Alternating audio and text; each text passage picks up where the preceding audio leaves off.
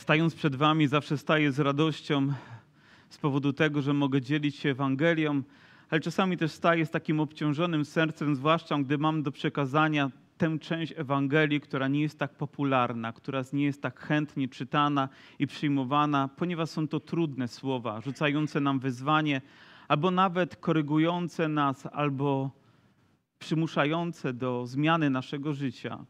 I z pewnością takim jest też list Judy, który rozpoczęliśmy studiować tydzień temu i mam nadzieję, że z łaski Bożej dzisiaj go zakończymy. Biorąc pod uwagę, że po nabożeństwie nie ma żadnej prób, żadnego innego wydarzenia, więc czuję się wolny, żeby kolejne 10 wierszy przestudiować tak, aż po prostu powiemy na koniec nasze Amen i zakończymy ten list. Wiemy, że list ten powstał dość szybko, bo w 65 lub 67 roku, a więc innymi słowy jakieś 32 może lata po tym, jak Pan Jezus został ukrzyżowany i zmartwychwstał i został wzięty do nieba. Powiem, Juda, wcześniej Judasz, ale zmienił swoje imię na Juda. Wiemy o nim, że był bratem Jakubowym, a też wiemy, że był bratem Pana Jezusa Chrystusa. Pisze niezwykły, krótki, ale niezwykły list do Kościoła. Na początku tego listu mamy wrażenie, że chce napisać coś innego, ale w pewnym momencie zmienia zdanie i zaczyna pisać coś bardzo głębokiego, coś napominającego, coś, co było aktualne w tamtym czasie, bo już 30 lat po tym jak Pan Jezus odszedł, do kościoła wkradła się straszna herezja, która zaczęła niszczyć kościół od wewnątrz. Nie od zewnątrz przyszły problemy, ale od wewnątrz, od środka. Wkradli się ludzie, którzy zaczęli głosić inną Ewangelię niż głosił Pan Jezus, inną niż głosili apostołowie, ale była tak chwytliwa, była tak popularna, że zaczęła się rozprzestrzeniać bardzo szybko. I myślę, że niedalecy jesteśmy od tego, by zrozumieć, że również i my możemy być w czasach, gdzie Ewangelia może być zmieniana, jeżeli nie będziemy się trzymać tego, co było pierwotnie zapisane. Coś, co człowiek na przestrzeni czasu zmienił dla własnej wygody albo komfortu. I dlatego jest to takim ciężarem dla mnie, gdy i dzisiaj te wiersze będę razem z Wami rozważał, bo znajdą się tam słowa ostrzeżenia, słowa wezwania, słowa napomnienia i nie tylko dla Was, ale również i i dla mnie, dla mojego serca. Przyjmuję je tak samo jak wy. Jestem również Bożym dzieckiem, które potrzebuje, aby Słowo kształtowało moje życie. I zanim dzielę się tym Słowem, bardzo głęboko przeżywam go osobiście. Lecz nim podzielę się Słowem, chciałbym podzielić się jednym zdaniem z pewnego maila, którego otrzymałem od jednego z pastorów.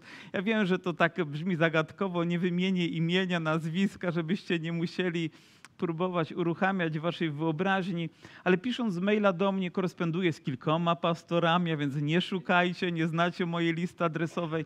Napisał takie zdanie. Obserwacje ludzi również w naszym zborze budzą we mnie obawy, czy, czy, czy rzeczywiście niektórzy są narodzeni na nowo. Wiecie, gdy to przeczytałem, to zasmuciło się moje serce, bo oto człowiek, który służy w tym kościele od wielu lat, obserwując ludzi, zastanawia się, czy wszyscy narodzili się na nowo, czy wszyscy są głęboko wierzącymi oddanymi Bogu ludźmi. I myślę, że to jest tak niedalekie od tego, o czym czytamy w liście Judy, który mówi, że wkradli się ludzie z tą fałszywą nauką, popularną, ale jakże zwodniczą, która brzmiała w ten sposób: Tak, Jezus cię zbawił, dostałeś bilet do nieba, a teraz nie musisz żyć w uświęceniu. Możesz żyć jak chcesz. Nieważne, jak żyjesz, jaki standard przyjąłeś, ważne, że idziesz do nieba. Myślę, że to jest jedno wielkie kłamstwo, które diabeł chce medialnie rozprzestrzenić po to, aby zwieść swój kościół. Widzicie, podział, jak widać, nie rysuje się tylko na zewnątrz, ale rysuje się również wewnątrz w kościele. Nie wszyscy, którzy chodzą na nabożeństwa, będą zbawieni. Nie wszyscy, którzy są członkami kościołów ewangelicznych, będą zbawieni. Nie wszyscy są duchowymi ludźmi, którzy takimi próbują się nazywać. Myślę, że o tym świadczy coś więcej niż to, jaką formę żeśmy przyjęli, my jako ludzie, czy jak się nazwaliśmy. I dlatego tak ważne jest, byśmy czytając list Judy mogli rozpoznać pomiędzy tym, co jest właściwe, a tym, co jest złe, co jest fałszywe pomiędzy Ewangelią, która została nam przekazana przez apostołów i Pana Jezusa, a tą, która się rozprzestrzenia bardzo szybko, dynamicznie i jest bardzo chwytliwa. I oto doszliśmy po wielu różnych rozważaniach i ich zachęcam, jeżeli ktoś jest dzisiaj po raz pierwszy, to sięgnijcie do rozważania sprzed tygodnia, ponieważ nie będę przypominał wszystkiego, bo dzisiejsze nabożeństwo nie trwałoby godzinę z haczykiem i to nie wiemy, jaki ten haczyk będzie, ale trwałoby dwie godziny z jeszcze większym haczykiem albo dwoma haczykami. Więc pozwólcie, że rozpoczniemy w miejscu, w którym zakończyliśmy, a to jest wiersz e, szesnasty. I oto Juda mówi tak: Są to ludzie, biadający nad losem swoim, kierujący się swoimi porządliwościami, usta ich głoszą słowa wyniosłe, a dla korzyści schlebiają ludziom. Co za wielkie niebezpieczeństwo tkwi w tym fragmencie. Mówi, że są to ludzie, którzy ciągle biadają, ciągle mówią, jak to jest źle, ciągle krytykują, ciągle narzekają, ciągle oni są tacy smutni i biedni. Oni nie widzą celu i sensu, może nawet istnienia Kościoła, żeby tylko jakby podważyć jego funkcjonowanie, jakby zniechęcić ludzi do tego, żeby kontynuowali swoją wiarę. Są tą falą, która powraca, wytracając siłę tej, która nadchodzi.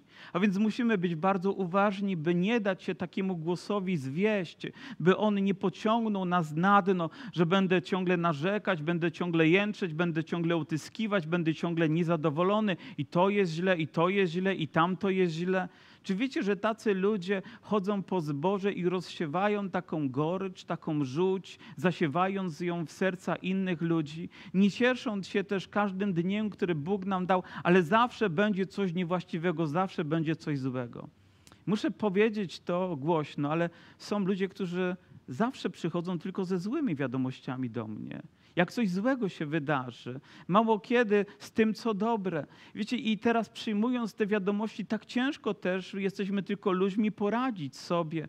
Muszę przed nabożeństwem, ktoś od razu ma jakiś news taki, który potrafi mnie wbić w ziemię, a za chwileczkę mam wyjść za kazalnicę i podzielić się Bożym Słowem. Nie przyszedł ten brat albo ta siostra, żeby powiedzieć, niech Cię Pan błogosławi, niech Cię namaści, a w tygodniu może zadzwonię i te sprawy jakoś tam rozstrzygniemy, ale tak jakby już na samym początku ktoś chciał, bym nie wyszedł pełen zapału, pełen chwały dla Boga, albo pięć minut po nabożeństwie, już od razu jakiś wielki problem, wielka troska. Mamy cały tydzień do tego, żeby niektóre rzeczy załatwiać, ale to się pojawia, uważam, że w taki świadomy sposób. Być może nawet ta osoba nie jest świadoma, ale dla mnie świadome po to, żeby zabrać mi to, co wziąłem z nabożeństwa. Wychodząc z tego miejsca, być może ktoś po drodze zaczyna mówić o rzeczach tylko po to, żeby cię pozbawić tego, co wziąłeś z nabożeństwa, co wyniosłeś z Bożego Słowa. Myślę, że powinniśmy uważać na takie postawy, które i my czasami potrafimy przyjąć, jakąś gorzkość, którą potrafimy napełnić nasze serce. Ale też z mojego doświadczenia, a mam trochę tego doświadczenia w służbie, wynika to, że często ludzie, którzy tak nadmiernie krytykują wszystko i wszystkich, sami żyją w problemach. Sami żyją z ciężarami, z którymi sobie nie dają rady. Sami żyją być może nawet pogrążeni w grzechu, którego nie widać, który jest ukryty, a wyrazem tego jest to, że wszystko wokoło jest złe dla nich. A więc takie postacie są bardzo niebezpieczne, są niszczące. To nie znaczy, że musimy się głaskać po, po, po głowach albo po ramieniach i mówić, nic się nie stało, ale z drugiej strony musimy być bardzo ostrożni, by kogoś nie zasmucić nadmiarem troski, problemów, by raczej wypowiadać słowa, które budują i zachęcają, które podnoszą na duchu, które dają nadzieję. A więc bądźmy też i tutaj uważni, którzy też schlebiają innym dla własnej korzyści. O tak, znajdą ludzi, mają w tym swoją korzyść, mają w tym jakiś swój interes, więc tymi będą się trzymać, ale nie dlatego, że chcą budować relacje, tylko dlatego, że wynikają z tego pewne korzyści dla nich. I tacy ludzie zawsze się gdzieś znajdą, czy w polityce, czy w kulturze, czy też w kościele, czy w pracy. Zawsze gdzieś za kimś są, ponieważ widzą, że z tego będzie wynikało coś dobrego dla nich. Wy macie pewnie jakieś określenie na takich ludzi, ale nie będziemy go wypowiadać głośno. Biblia mówi, to nie jest właściwa postawa. Jesteś po to tutaj, żeby uwielbiać Boga, jesteś po to, by przynosić Mu chwałę, a nie po to, by szukać własnych korzyści dla siebie. Nie jesteśmy po to w zborze, by budować tutaj interesy, by o nich rozmawiać, by rozmawiać o tym, co, nie wiem, jest tym, co przyniesie nam korzyść. Jesteśmy w Kościele po to, żeby uwielbiać Boga, po to, żeby Go wywyższać. Kościół nie jest powołany do polityki, ani do robienia biznesów. Jest powołany do tego, żeby budować Boże Królestwo, by przynosić chwałę wszechmogącemu Bogu. Ja wiele razy byłem zachęcany przez innych, rozpocznijmy taki interes albo inny interes i za każdym razem gdzieś w sercu mówiłem, idź precz szatanie, a tej osobie mówiłem dziękuję.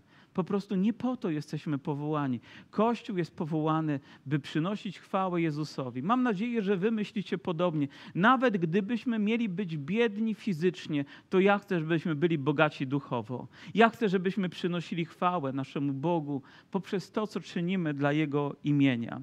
I później te piękne słowa, po tych trudnych słowach, napomnieniach, by nie iść taką drogą albo nie dać się temu zwieść. I tutaj Juda przywołuje wydarzenia z historii. Mówi, Bóg nawet nie oszczędził swojego narodu, nie oszczędził aniołów, ale gdy oni byli pełni niewiary, gdy oni ciągle narzekali, utyskiwali, to nie weszli do ziemi obiecanej. Z aniołami się rozprawił, którzy przyszli i zaczęli prowadzić rozwiązłe życie. Robili to, czego im robić nie było wolno. Zaczęli obcować z kobietami. Zaczęły z tego rodzić się dzieci, które, nie wiem, nazwane są olbrzymami lub w inny sposób. To wniosło okultyzm, to wniosło czary na świat, to roz, wniosło rozwiązłość seksualną, różne perwersje seksualne, a więc stała się straszna rzecz. Ziemia napełniła się czymś bardzo złym, bo to ci, którzy byli powołani do tego, by przynosić Bogu chwałę, zboczyli z tej drogi i zaczęli czynić to, co Bogu się nie podoba. I Biblia i ten fragment ostrzega nas przed tym, byśmy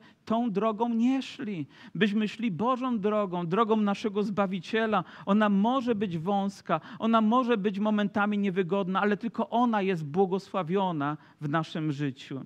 I później zwraca się Juda do jakby innej części zgromadzenia, ale mówi, lecz wy umiłowani, lecz wy, mała trzutko, lecz wy kościele, wy, którzy zostaliście pochwyceni w Bożą miłość, przypomnijcie sobie słowa wypowiedziane przez apostołów Pana naszego Jezusa Chrystusa. I widzicie, jak ważną rzeczą jest poznawać słowo, by móc sobie je przypomnieć by nie dać się zwieść, ale przywołać prawdę w naszym sercu. A jeżeli dzisiaj powiedziałbym jakąś herezję, a ty nie znasz nauki apostolskiej, to jak będziesz mógł rozpoznać to, czy mówię prawdę, czy nie? To, że wziąłem jakiś fragment, to, że wyrwałem jakiś jeden wiersz, to nie oznacza, że mam całą prawdę. Mogę go użyć również przeciwko Kościołowi.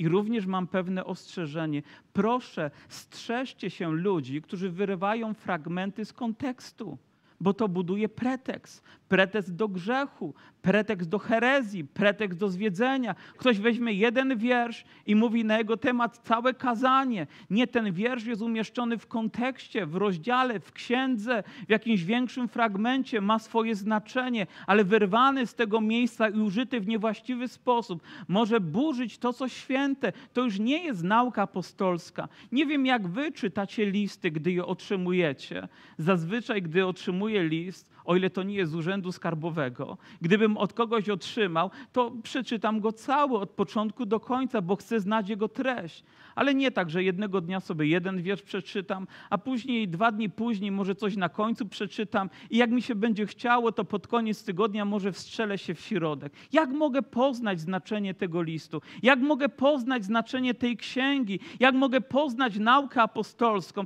Jeżeli biegam po Biblii, to tu, to tam, wybieram sobie tylko to, co miłe. To nie jest zgodne z tym, czego uczymy się z Bożego Słowa. Mamy przyjąć naukę apostolską. Mamy przyjąć całe księgi, całe zwiastowanie z ich pierwotnym znaczeniem, z umiejętnością zastosowania dzisiaj, abyśmy mogli żyć w prawdzie. Czytajcie Biblię od początku do końca, od początku do końca, od początku do końca, niezmiennie. Jeżeli jesteś 30 lat człowiekiem wierzącym, to przynajmniej 30 lat byłoby dobrze, gdy, 30 razy, gdybyś przeczytał Biblię ponieważ to jest możliwe każdego roku, ale wtedy będziesz znał prawdę, poznasz to, co święte i co, to, co, to, co dobre dla Twojego życia. Jak możesz sobie przypomnieć coś, o czym nigdy nie przeczytałeś? A więc musimy powracać i to do słów Pana, który przekazał swoim apostołom. Nie gdzie indziej. Proszę, nie szukajcie prawdy poza Biblią. Możecie znaleźć jakiś komentarz, jakąś sugestię, jakąś podpowiedź, ale prawda jest tylko w tej księdze dla naszego życia. Ona musi być fundamentem zwiastowania. Nie wiem, czy zauważyliście, mam nadzieję, że tak, że ja lubię całe księgi studiować. Wiecie dlaczego? Bo tak mnie nauczono. Ponieważ wiem, że nie pobłądzę, ponieważ wiem, że nie wybieram sobie fragmentów na to nabożeństwo albo na tamte nabożeństwo, albo na ten problem, który powstaje, albo na taką sytuację, która się wytworzy i ktoś mówi, no dzisiaj pije do mnie. Nie, ja dzisiaj czytam fragment za fragmentem, czytam rozdział za rozdziałem, a jeżeli ten fragment pasuje do sytuacji, w której jesteś, to znakiem tego, że ktoś upomina się o twoje życie. I wierz mi, to nie jestem ja, to jest Bóg, to jest Jego Słowo, to jest Duch Święty, który dotyka Twoje życie. Poznawaj Boże Słowo. Jeżeli dzisiaj albo w tym tygodniu nie trzymałeś w ręce Bożego Słowa, nie czytałeś, nie rozkoszowałeś się nim, to znakiem tego, że daleki jesteś od Bożego Słowa.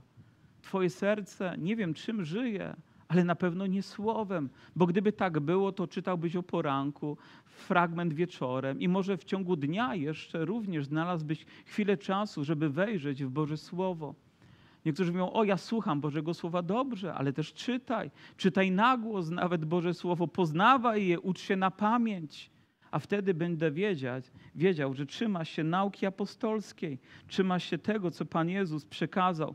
Tak trwał pierwszy Kościół, w co? W nauce apostolskiej, w modlitwach, w społecznościach, w łamaniu chleba, a Pan błogosławił, Pan okazywał swoje znaki i cuda, Pan pomnażał swój Kościół, ale to rozpoczynało się od tym, że trwali po prostu w Bożym Słowie gdy mawiał do was, w czasie ostatecznym wystąpią szydercy, postępujący według swoich bezbożnych porządliwości. Myślę, że te słowa bardzo się do nas przybliżyły, bo gdy czytamy o czasach ostatecznych po prawie dwóch tysiącach lat, to wiemy, że te czasy naprawdę są ostateczne. I myślę, że mamy też gdzieś nawet gęsią skórkę, myśląc o tym, co się dzieje na świecie, jak to jest globalne i jak wcześniej było to przewidziane, że będą wydarzenia, które nie będą tylko na skalę jakiegoś regionu, jednego państwa, ale na skalę, na skalę całego świata i że ludzie będą do czegoś, nie wiem, zachęcani, przymuszani, przynaglani na skalę nie tylko lokalną, ale całego świata. Nie wyobrażaliśmy sobie tego jeszcze rok temu, może dwa lata temu, temu, więc nie wiemy, jaki będzie następny krok. Wiecie, cieszę się z tych poluzowań, z tych e, zmian obostrzeń, ale zdaję sobie sprawę, że za chwilę może być trudniej niż było niebezpieczniej niż było. Decyzje, które będziemy podejmować, może będą trudniejsze niż były, bo wiemy, że czasy się przybliżyły. Wystąpią ludzie, którzy będą szydzić, drwić z Bożego Słowa, będą je wyśmiewać, będą mówić o jego nieaktualności, o tym, że ono nie działa i będzie to powszechne. Nawet dojdzie do tego, że z powodu Bożego Słowa wszystkie narody zaczną nas nienawidzieć, ale ten czas się przybliżył. I wiecie, o co się modlę? O to, obyśmy nie przespali tego czasu, byśmy nie zlekceważyli. Kiedyś słyszałem pewną opowieść człowieka, który jechał samochodem i miał wypadek. Był bardzo zmęczony, jechał samochodem przez dłuższą trasę. Ja też kiedyś tak jechałem samochodem, nie wiem, 1400 kilometrów chyba zrobiłem jednego dnia i, i pod koniec gdzieś byłem bardzo zmęczony i jechała ze mną grupa ludzi i ktoś mówił, o ja w czasie drogi spałem tam dwie godziny. Ktoś mówi, o ja spałem trzy godziny. A ja cały czas kierowałem, mówię, a ja spałem tylko minutę. Nie? Wiecie, co to oznacza, kiedy człowiek jedzie? I on mówi, że jechał samochodem i nagle zamknął oczy. Przed nim był samochód, ale daleko, gdzieś tam, może kilkaset metrów. Zamknął na chwilę tylko oczy i gdy otworzył, było już za późno. Powiem, zbliżył się do zderzaka, nie mógł wyhamować i uderzył z wielkim impetem. Na szczęście przeżył, na szczęście nic tragicznego się nie wydarzyło, ale rozumiecie, gdy zamkniemy oczy, a później otworzymy, może być za późno. Musimy być trzeźwi, musimy czuwać, wiedząc, że te czasy się przybliżyły i że będziemy zmagać się, czy będziemy e, uczestnikami wydarzeń, ale też ludzie bezbożnych, pełnych porządliwości. Spójrzcie na to, co się dzieje na naszych oczach. Czy bezbożność się nie wzmogła? Czy wszelkiego rodzaju perwersje i wydarzenia, które są, nie wiem, publikowane nawet, nie są na skalę światową? Czyż nie w takich czasach przyszło nam żyć? Czyż to nie jest takie nie tylko pukanie, ale niemal uderzanie pięścią w drzwi, żebyśmy może uświadomili sobie, że żyjemy w takich czasach i obyśmy nie mieli w tym żadnego udziału? Mówi, uważajcie na tych ludzi, uważajcie na te czasy, bo Kościół jest powołany do czegoś wyjątkowego i o tym czytamy. Wiemy, że ten świat próbuje wkraść się do Kościoła, że zaczął przyjmować standardy jak tego świata, że pewne rzeczy, nawet związane z obyczajnością i moralnością, zostały zaakceptowane również przez Kościół i każdy mówi, to moja sprawa. Nie, to Boża sprawa, to nie jest Twój kościół, to nie jest mój kościół, to nie są moje standardy, to nie są Twoje standardy. To są Boże rzeczy, których my powinniśmy się chwycić i które powinniśmy trzymać bardzo mocno, bo gdy upadniemy, powinniśmy pokutować z naszych grzechów, odwrócić się od nich, zapomnieć o tym i iść za Bogiem tak, jak zostaliśmy do tego powołani. To ciekawe, że gdy mówimy takie słowa, to nikt nie krzyczy Aleluja. Nie wiem, bo są ciężkie, bo są trudne, ale są ważne i są potrzebne, przygotowujące nas. A to są ci, którzy wywołują rozłamy, zmysłowi, nie mający ducha. I tutaj moje serce, powiem, drży niemal nie na, na, na skutek bojaźni, ale z, z powodu bólu, który te słowo mi zadaje że nie tylko ci ludzie wywołują rozłamy wewnątrz Kościoła, by go podzielić, ale są to ludzie, którzy są bez ducha. Jakiego ducha? Bez Bożego ducha. List do Rzymian, ósmy rozdział mówi, że tych, których Duch Boży prowadzi, są dziećmi Bożymi. Czytałem na początku fragment listu, w którym pastor dzielił się tym, że ma wrażenie, że w, że w kościele są ludzie, którzy są nie na nowo narodzeni. Wiecie, nie wiem, czy użyłbym takiego określenia, ale w kościele mogą być też ludzie, którzy nie są pełni ducha Bożego są pełni przyzwyczajem, pełnej kultury, która się wytworzyła, zwyczajów, które mamy, możliwości, które powstały, ale nie pełni Ducha Bożego. Ponieważ gdy Duch Boży jest w nas, jest to bardzo charakterystyczne dla naszego życia. Słowo Boże mówi, że gdy Duch Święty stępował, to zjawisko, które temu towarzyszyło, było takie wręcz ponadnaturalne. Za każdym razem działo się to tak, że osoby, które w tym uczestniczyły, one wiedziały. A dzisiaj pytasz kogoś, zostałeś zostałeś napełniony Duchem Świętym? No może, prawdopodobnie, nie wiem, chciałbym. Nie powinniśmy wiedzieć, że zostaliśmy napełnieni Duchem Świętym, że trwamy w Duchu Świętym, bo to jest zbyt święte przeżycie, byśmy o tym nie wiedzieli. Oczywiście musimy jeszcze w tym trwać. Dzisiaj rano, jadąc samochodem, odwożąc moją młodszą córkę do pracy, Akurat wjechałem w uliczkę jednokierunkową i przede mną e, jechała śmieciarka, która zbierała szkło. O, jedna, je, widzicie, uliczka jednokierunkowa, wąska i ta śmieciara, która zabarykodowała i domy przed nami. I przy każdym domu się zatrzymuje, przy każdym domu się zatrzymuje, przy każdym domu i te słoiki tam pakują. Ja mówię, ich praca, cóż mogą zrobić? Więc cierpliwie czekam, dojechałem i zawróciłem później w drugą uliczkę jedną kierunkową, inna śmieciara. No i teraz zbierają plastik i papier i znowu dom za domem, i znowu dom za domem, i znowu dom za domem, dom za domem. I powiem, i ten czas się dłuży. I wiecie, jakie emocje mogą powstać u kierowcy? Gdzieś wjeżdżam do Będzina, a tam targ i znowu i w pewnym momencie, wiecie, zauważyłem, że w moim sercu jest coś, czego nie powinno być. I wtedy pytanie, dobrze, a gdzie jest Twoja cierpliwość, która jest owocem ducha? Gdzie jest Twoja dobroć? Gdzie jest Twoja łagodność? Jakim jesteś chrześcijaninem? Czy ktoś z Was zadawał sobie takie pytania w takich sytuacji? Czy utraciłem coś, co jest tą wartością dla mojego życia, coś, co powinno mi towarzyszyć? Wiecie, i mało się tam gdzieś nie popłakam, ale wtedy doszło do mnie to, co oświeciło moje serce, a wy teraz tego wysłuchacie. Wiecie, co sobie uświadomiłem? Że gdybym żył bez Ducha Świętego, nawet nie zadałbym sobie pytania, co jest Twoją cierpliwością, co jest Twoją łagodnością, co jest Twoją dobrocią. Nie zadałbym sobie tego pytania, ale dlatego, że mam Ducha Świętego, zadałem sobie to pytanie i wtedy mogłem postępować łagodnie, cierpliwie i uprzejmie i szczęśliwie dotarłem do domu. Oczywiście, że popełniamy błędy. Oczywiście, że się potykamy. Ale jeżeli masz Ducha Świętego, który w tobie działa, on będzie ci to przypominać, a ty będziesz wielokrotnie padać na kolana, będziesz wyznawać swoje grzechy, będziesz przynosić Bogu chwałę, a Bóg będzie przemieniać twoje życie. Właśnie dlatego, że on jest we mnie, mogę stawać się takim jak mój Pan Jezus. Oczywiście, że to jest proces, który trwa. Ja już chciałbym być doskonały. Moja żona jeszcze bardziej by chciała, bym już był doskonały. I pewnie wy byście chcieli, żebym już był doskonały. Ale bądźcie cierpliwi. Ponieważ to wszystko trwa. I wierzcie mi, przyjdzie dzień, kiedy będę doskonały. Będę. Przyjdzie dzień, kiedy ty będziesz doskonały. Przyjdzie dzień, kiedy najwięksi zbrodniarze, którzy się nawrócili, będą doskonali, ale my do tego dążymy.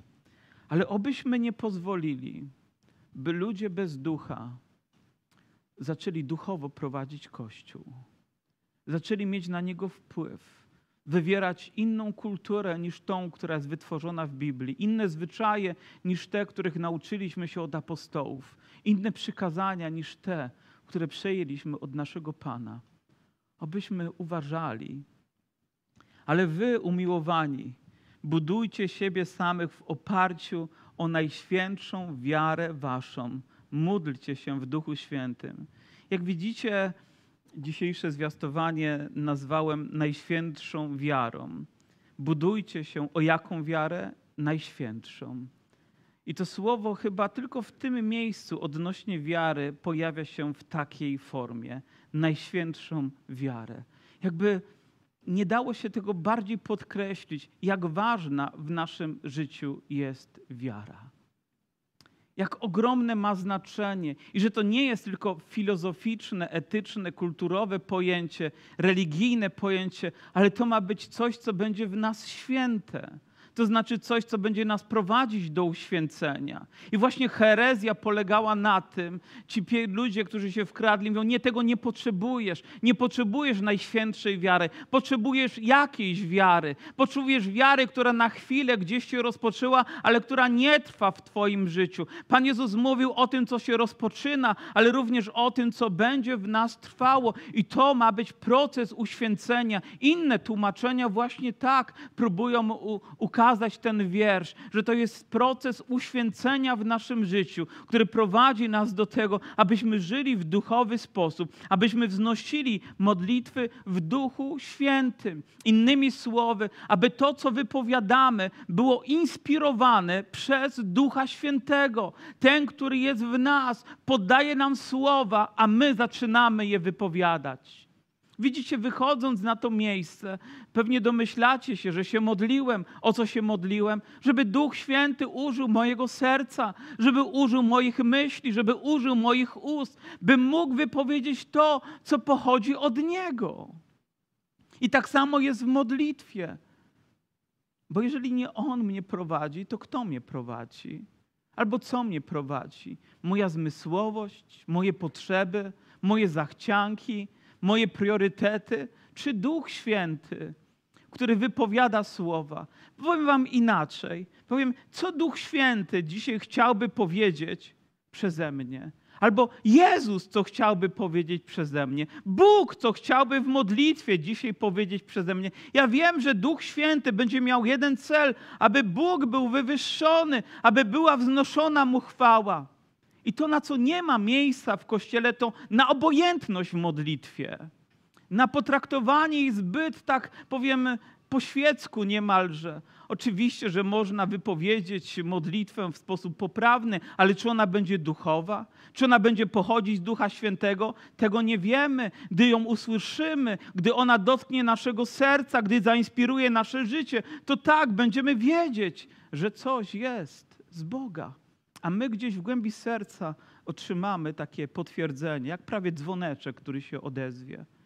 Wiecie, jak trudno jest modlić się. Oczywiście zaszczytem też dla mnie jest widzieć takie wydarzenie jak sobota, kiedy Kościół Pana Jezusa, kiedy wy, moje siostry, moi bracia, stajecie z rękami w górze i reagujecie na pieśń uwielbienia. Dlaczego? Bo to jest w waszych sercach. Bo Duch Święty wzywa nas do tego, byśmy w ten sposób to wyrazili. Byśmy cokolwiek czynili, czynili w Jego duchu. Byli prowadzeni.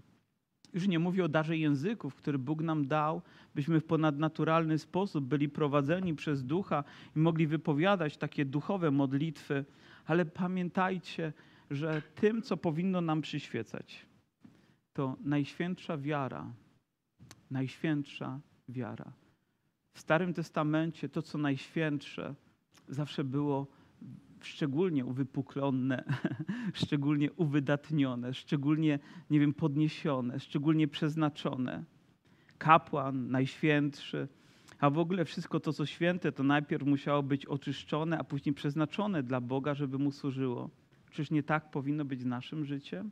Czyż nie najpierw Bóg nas oczyszcza, a później powołuje nas do tego, byśmy żyli w świętości dla Niego? Taki jest cel tego listu zachowując siebie samych w miłości Bożej, oczekując miłosierdzia Pana naszego Jezusa Chrystusa ku życiu wiecznemu. Pierwsza rada. W tej, w tej trudnej sytuacji, właśnie tutaj udziela jej Juda, mnie i Tobie. Pamiętaj, abyś zachował samego siebie.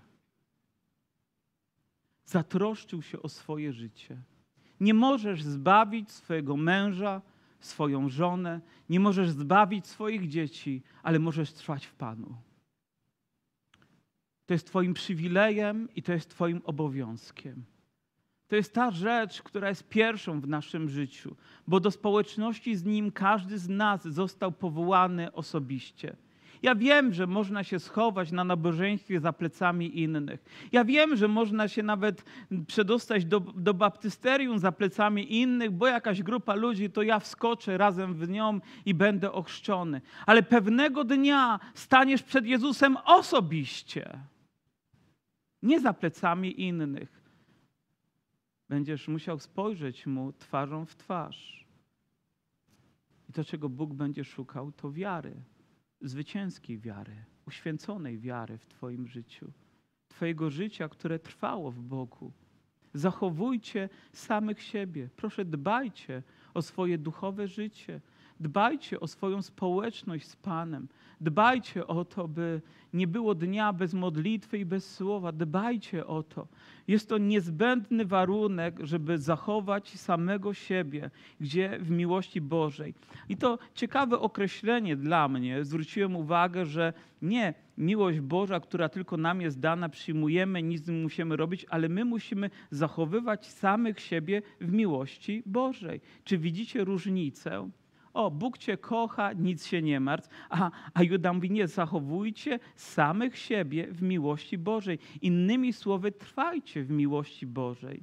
To nie jest tak, że jednego dnia Bóg cię kocha, a drugiego dnia cię nie kocha. Jednego dnia czujesz się wierzącym, a kolejnego dnia czujesz się mniej wierzącym, bo zmieniły się twoje uczucia. Nie, trwaj w miłości Bożej. Innymi słowy, wykonywaj dzieła, do których zostałeś powołany, służbę, do której Bóg cię wzywa. Nikt nie powinien być obojętny w królestwie, ale każdy powinien być zaangażowany. Trwaj w Bożej miłości, wyrażaj ją w uwielbieniu, wyrażaj ją w relacji z Kościołem, wyrażaj je w stosunku do ludzi. Trwaj w tym, do czego zostałeś powołany, a zobaczysz, jak wielkie żniwo i błogosławieństwo to będzie przynosić i, i jak wielkiego miłosierdzia dostępujemy, czyli innymi słowy, nie otrzymujemy od Boga tego, na co sobie zasłużyliśmy, bo Bóg okazuje nam miłosierdzie, a łaska mówi o tym, że On daje nam to, na co my nie zasłużyliśmy. Tutaj zasłużyliśmy na coś i czegoś nie utrzymujemy,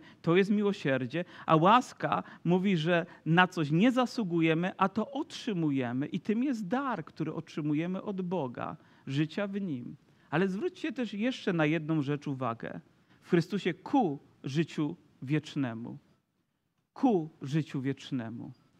Przyjęło się mówić, że w społeczności przyjmujemy dar życia wiecznego, a Biblia tutaj mówi, mamy trwać ku życiu wiecznemu. Czyli co to oznacza? Oznacza to, że raz przyjęliśmy, czy musimy każdego dnia trwać, aby dojść do tego, co Bóg dla nas przygotował. Jak myślicie? Czy zbawienie to czas dokonany, czas teraźniejszy, czy czas przyszły? I gdy czytacie Boże Słowo, i gdy czytacie nie jeden fragment, ale czytacie wszystkie fragmenty, to dojdziecie do, do tego przekonania, że to czas przeszły, że to czas teraźniejszy i to czas przyszły. I wszystkie te trzy czasy są poprawne, bo tak Bóg coś dokonał, chce byśmy w tym trwali i chce byśmy do tego dążyli, bo to ma nastąpić. I do tego Kościół przez Judę jest wzywany, abyśmy żyli ku życiu wiecznemu. Dla jednych, którzy mają wątpliwości, miejcie litość. Są ludzie, którzy potrzebują by się nad nimi litować. Ludzie szukający pomocy, ludzie szukający ratunku. Powinniśmy o nich się zatroszczyć. Powinniśmy okazać im i nie tylko współczucia, ale coś, co będzie wyrazem też tego współczucia, jakąś formę, w której możemy te osoby wesprzeć. Miejcie dla nich litość. Ale kolejna, kolejny fragment mówi w ten sposób wyrywając ich z ognia i ratując ich dla i ratując ich, może tutaj na razie przecinek, wyrywając ich z ognia. Kiedy czytasz taki fragment, musisz zatrzymać się na chwilę.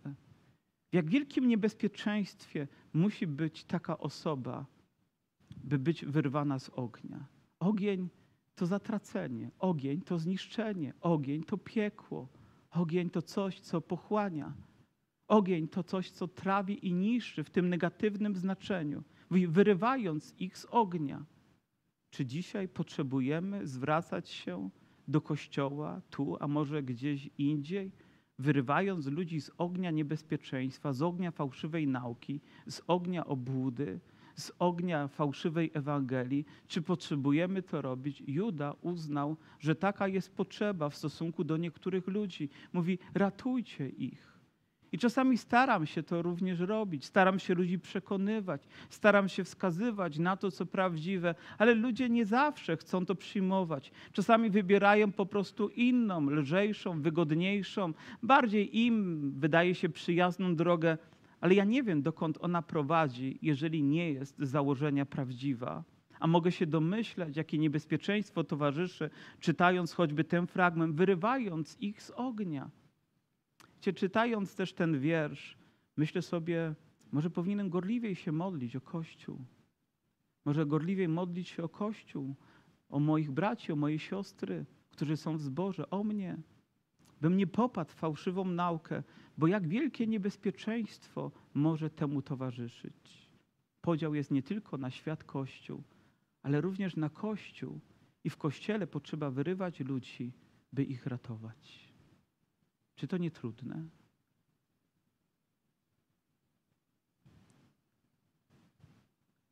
Ratując ich dla drugich, miejcie litość połączoną z obawą, mając odrazę nawet do szaty skalanej przez ciało.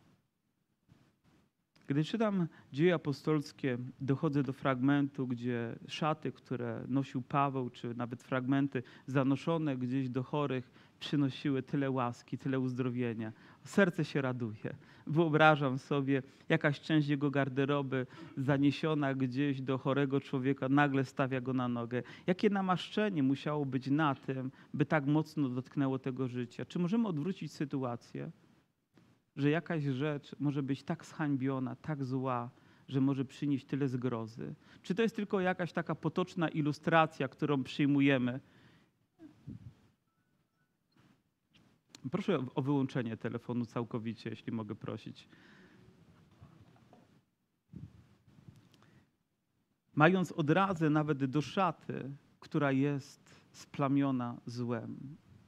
Nie wiem, jak wy patrzycie na obraz, który nas otacza, na rzeczy, którymi się stykamy, na to, w czym uczestniczymy, a w czym nie uczestniczymy. I na przestrzeni moich lat chodzenia za Bogiem zauważam różnicę w podejściu wierzących ludzi do tego, co kiedyś było hańbą, a teraz jest do przyjęcia. Na temat tego, gdzie ludzie chodzą i jak się zachowują na temat tego, jaką kulturę przyjmują, jakie słownictwo używają. Nawet słowa, które czasami wypowiadają, tak bardzo zmieniają obraz, że to, co kiedyś było przekleństwem, dzisiaj jest po prostu potocznym słowem, które tak chętnie używamy. Ale czyż nie powinniśmy wrócić do tego, co pierwotne, zachowując nasz język w czystości, zachowując nasze myśli w czystości, zachowując naszą wiarę w świętości, aby to wyrażać. To, jak ludzie się również ubierają, jak wyrażają, nie wiem, eksponują swoje ciała, przychodząc na nabożeństwo, widzę różnicę pomiędzy pomiędzy tym, co było, a tym, co jest obecnie. Za chwilę będzie lato, będzie rewia mody. Moje siostry, moi bracia, to nie chodzi o to, byśmy przyszli i pokazali, jacy to my jesteśmy. Tylko przychodzimy tu, żeby uwielbić Boga. Nie zwracamy uwagi na siebie, otwierając różne zakamarki naszego ciała na pokusę innym, bo to dąży do porządliwości czy kieruje, ale po to, żeby uwielbić Boga. Powinniśmy nawet do takich rzeczy mieć właściwy stosunek. Oczywiście nie myślę, że musimy wory nakładać i popiołem się posypać, ale we wszystkim powinniśmy zachować powściągliwość. Nikt nie mówi Aleluja. A temu, który was może ustrzec od upadku i stawić nieskalanych z weselem przed obliczej swojej chwały, jedynemu Bogu, Zbawicielowi naszemu przez Jezusa Chrystusa, Pana naszego, niech będzie chwała, uwielbienie i moc i władza przed wszystkimi wiekami i teraz i po wszystkie wieki. Amen. To słowo kończy się dobrą nowiną dla nas wszystkich. I stwierdzenie znajdujemy już w przedostatnim wierszu, który mówi: A temu, który was może ustrzec od upadku. Jest ratunek. Jest ratunek. Jest wyjście z tej sytuacji. Jest nadzieja dla Kościoła. Jest nadzieja dla mojego zboru i dla mnie. Ratunek jest w Jezusie. Ratunek jest w moim Bogu. On ma moc ustrzec mnie od upadku. On może dać mi siłę, którą ja będę mógł przeciwstawić się grzechowi. To nie jest tak, że Bóg to za mnie zrobi, ale ja będąc z Nim mogę to uczynić ze względu na imię Jego. Ja gdy się modlę, myślę sobie tak, mogę modlić się o uzdrowienie, ale mogę wzywać Boga, który ma moc uzdrowić. Oczywiście mogę się modlić w jakąś zmianę sytuacji, ale mogę wywyższyć Jezusa, który może to zrobić. I w tej sytuacji nie próbuję walczyć własnymi siłami, ale wiem, że mam Boga, który ma moc ustrzec mnie od upadku. Ma moc ustrzec Kościół. Ma moc ustrzec każdego z nas, aby stawić nas jakich? Nieskalanych, jakich czystych przed obliczem swojej chwały. Ponieważ to będzie najważniejszy dzień naszego życia. Nim poznamy Go jako sędziego, dobrze byśmy poznali Go jako Zbawiciela, który ma moc ustrzec nas od upadku. Jemu niech będzie chwała, Jemu niech będzie uwielbienie. Jego jest moc. Przez wszystkie wieki tak było. Tak jest i na wieki wieków tak będzie.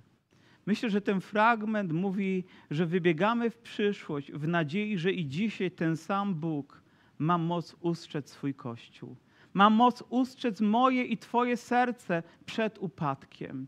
Więc jeżeli coś dzieje się cyklicznego w Twoim życiu, jeżeli sięgasz po grzech albo rozpędzasz się gdzieś i przekraczasz granice, sięgasz po coś, po co nie powinieneś, pamiętaj, że powinieneś wrócić do Boga. Powinieneś powiedzieć: Panie, Ty masz moc ustrzec moje myśli i moje serce, masz moc ustrzec moje usta i moje ręce przed tym, co będzie kalać mnie, przed tym, co będzie przynosić Tobie hańbę i temu, co będzie służyć złym światem świadectwem Kościołowi: Masz moc mnie ustrzec. Temu Bogu niech będzie dzisiaj chwała za Jego trudne słowo, ale pełne mocy słowo. Zostaliście powołani wraz ze mną, byśmy toczyli bój o wiarę. Bój oznacza cierpienie, trud. Byśmy toczyli bój o najświętszą wiarę, byśmy nasze życie nie tylko rozpoczynali z Bogiem, ale każdego dnia kontynuowali w uświęceniu dla Niego. I takie jest przesłanie tego listu. Mówi, a Bóg, który ma moc ustrzec nas, On chce tego dokonać w Twoim i w moim sercu.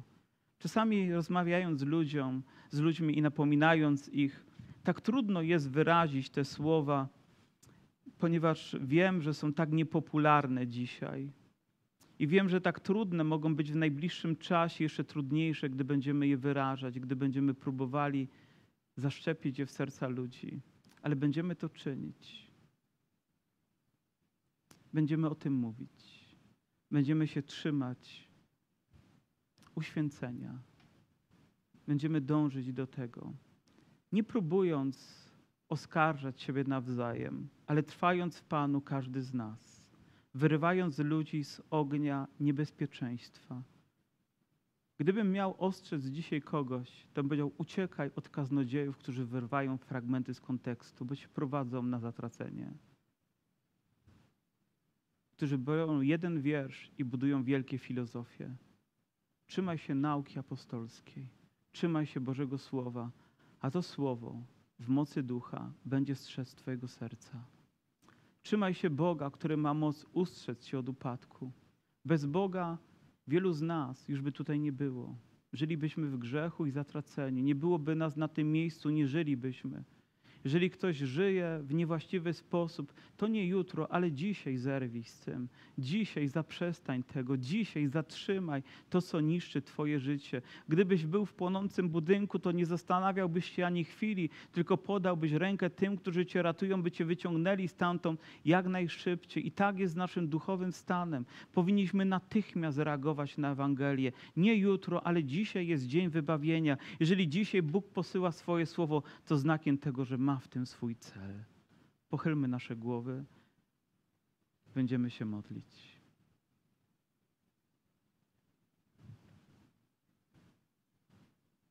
Panie, Ty wiesz, jak trudno jest stanąć na tym miejscu, by dzielić się tak odpowiedzialnymi słowami. Ale Panie, pragnę je przekazywać w prawdzie, w miłości i z Twoją mocą i autorytetem. Panie, by dotykały mojego serca i serc moich sióstr i moich braci. Panie, ludzi, którzy są dzisiaj zebrani i ludzi, którzy być może nas dzisiaj słuchają i którzy być może będą nawet słuchać, bo Ty będziesz działać, Panie, dalej, wykonując swoją pracę, docierając ze swoim słowem tam, gdzie chcesz, do serc, które tego potrzebują.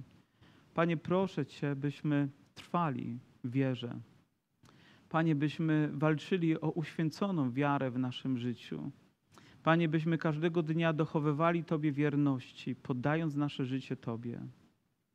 Panie, jeżeli na tym miejscu jest choć jedna osoba, która potrzebuje ratunku, to proszę, Panie, by jej serce teraz otworzyło się na Twoje słowo. Panie, a jej wiara wyraziła się w całkowitym oddaniu Tobie. Panie, powierzeniu swojego serca Tobie, swojego życia Tobie. Panie, by każdy krok mogła stawiać ze względu na Ciebie.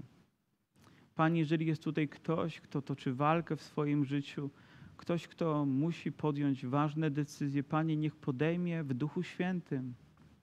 Panie, kierowany przez Ciebie, nie własnymi emocjami, Panie, swoimi myślami, ale w oparciu o Twoje powołanie, o Twoje słowo, Panie, o Twoje życie, które masz dla nas. Panie, modlę się, by stało się to prawdą i dzisiaj. I dziękuję Ci, Panie, że Ty miałeś, masz i wciąż będziesz mieć moc, aby ustrzec swój Kościół. I nawet gdy przyjdą trudniejsze czasy i większe wyzwania, Panie, będziesz strzegł swojego Kościoła, będziesz strzegł naszych serc i naszych myśli. Panie, będziesz dalej nas prowadził i zachowywał, bo jesteś naszym Bogiem, naszym Panem. I Tobie, Panie, należy się dzisiaj chwała, Tobie należy się uwielbienie, bo Ty masz wszelką moc na niebie i na ziemi. Wywyższamy Cię za to, że ta moc jest również w naszych sercach, że dałeś nam swego Ducha Świętego i nie musimy być, Panie, jak chmury bez deszczu, ale możemy być jak drzewa, które wydają owoc we właściwym czasie, by przynosić Tobie uwielbienie. Aleluja. Kto z Was dzisiaj potrzebuje modlitwy? Kto z Was dzisiaj chciałby wyjść z tego miejsca, powiedzieć: Panie, dotknij mojego serca, umocnij je, poprowadź mnie dalej, zachowuj mnie. Jeżeli tak, podnieś na chwilę swoją rękę i zakończymy modlitwą o Ciebie. Dobrze. Czy ktoś jeszcze? Dobrze, dobrze, dobrze. Panie, dziękuję Tobie za te osoby. Panie, Ty widzisz nawet jedną osobę, Panie, która potrzebuje pomocy Twojej. I dziękuję Ci, że Twoja ręka wciąż jest wyciągnięta.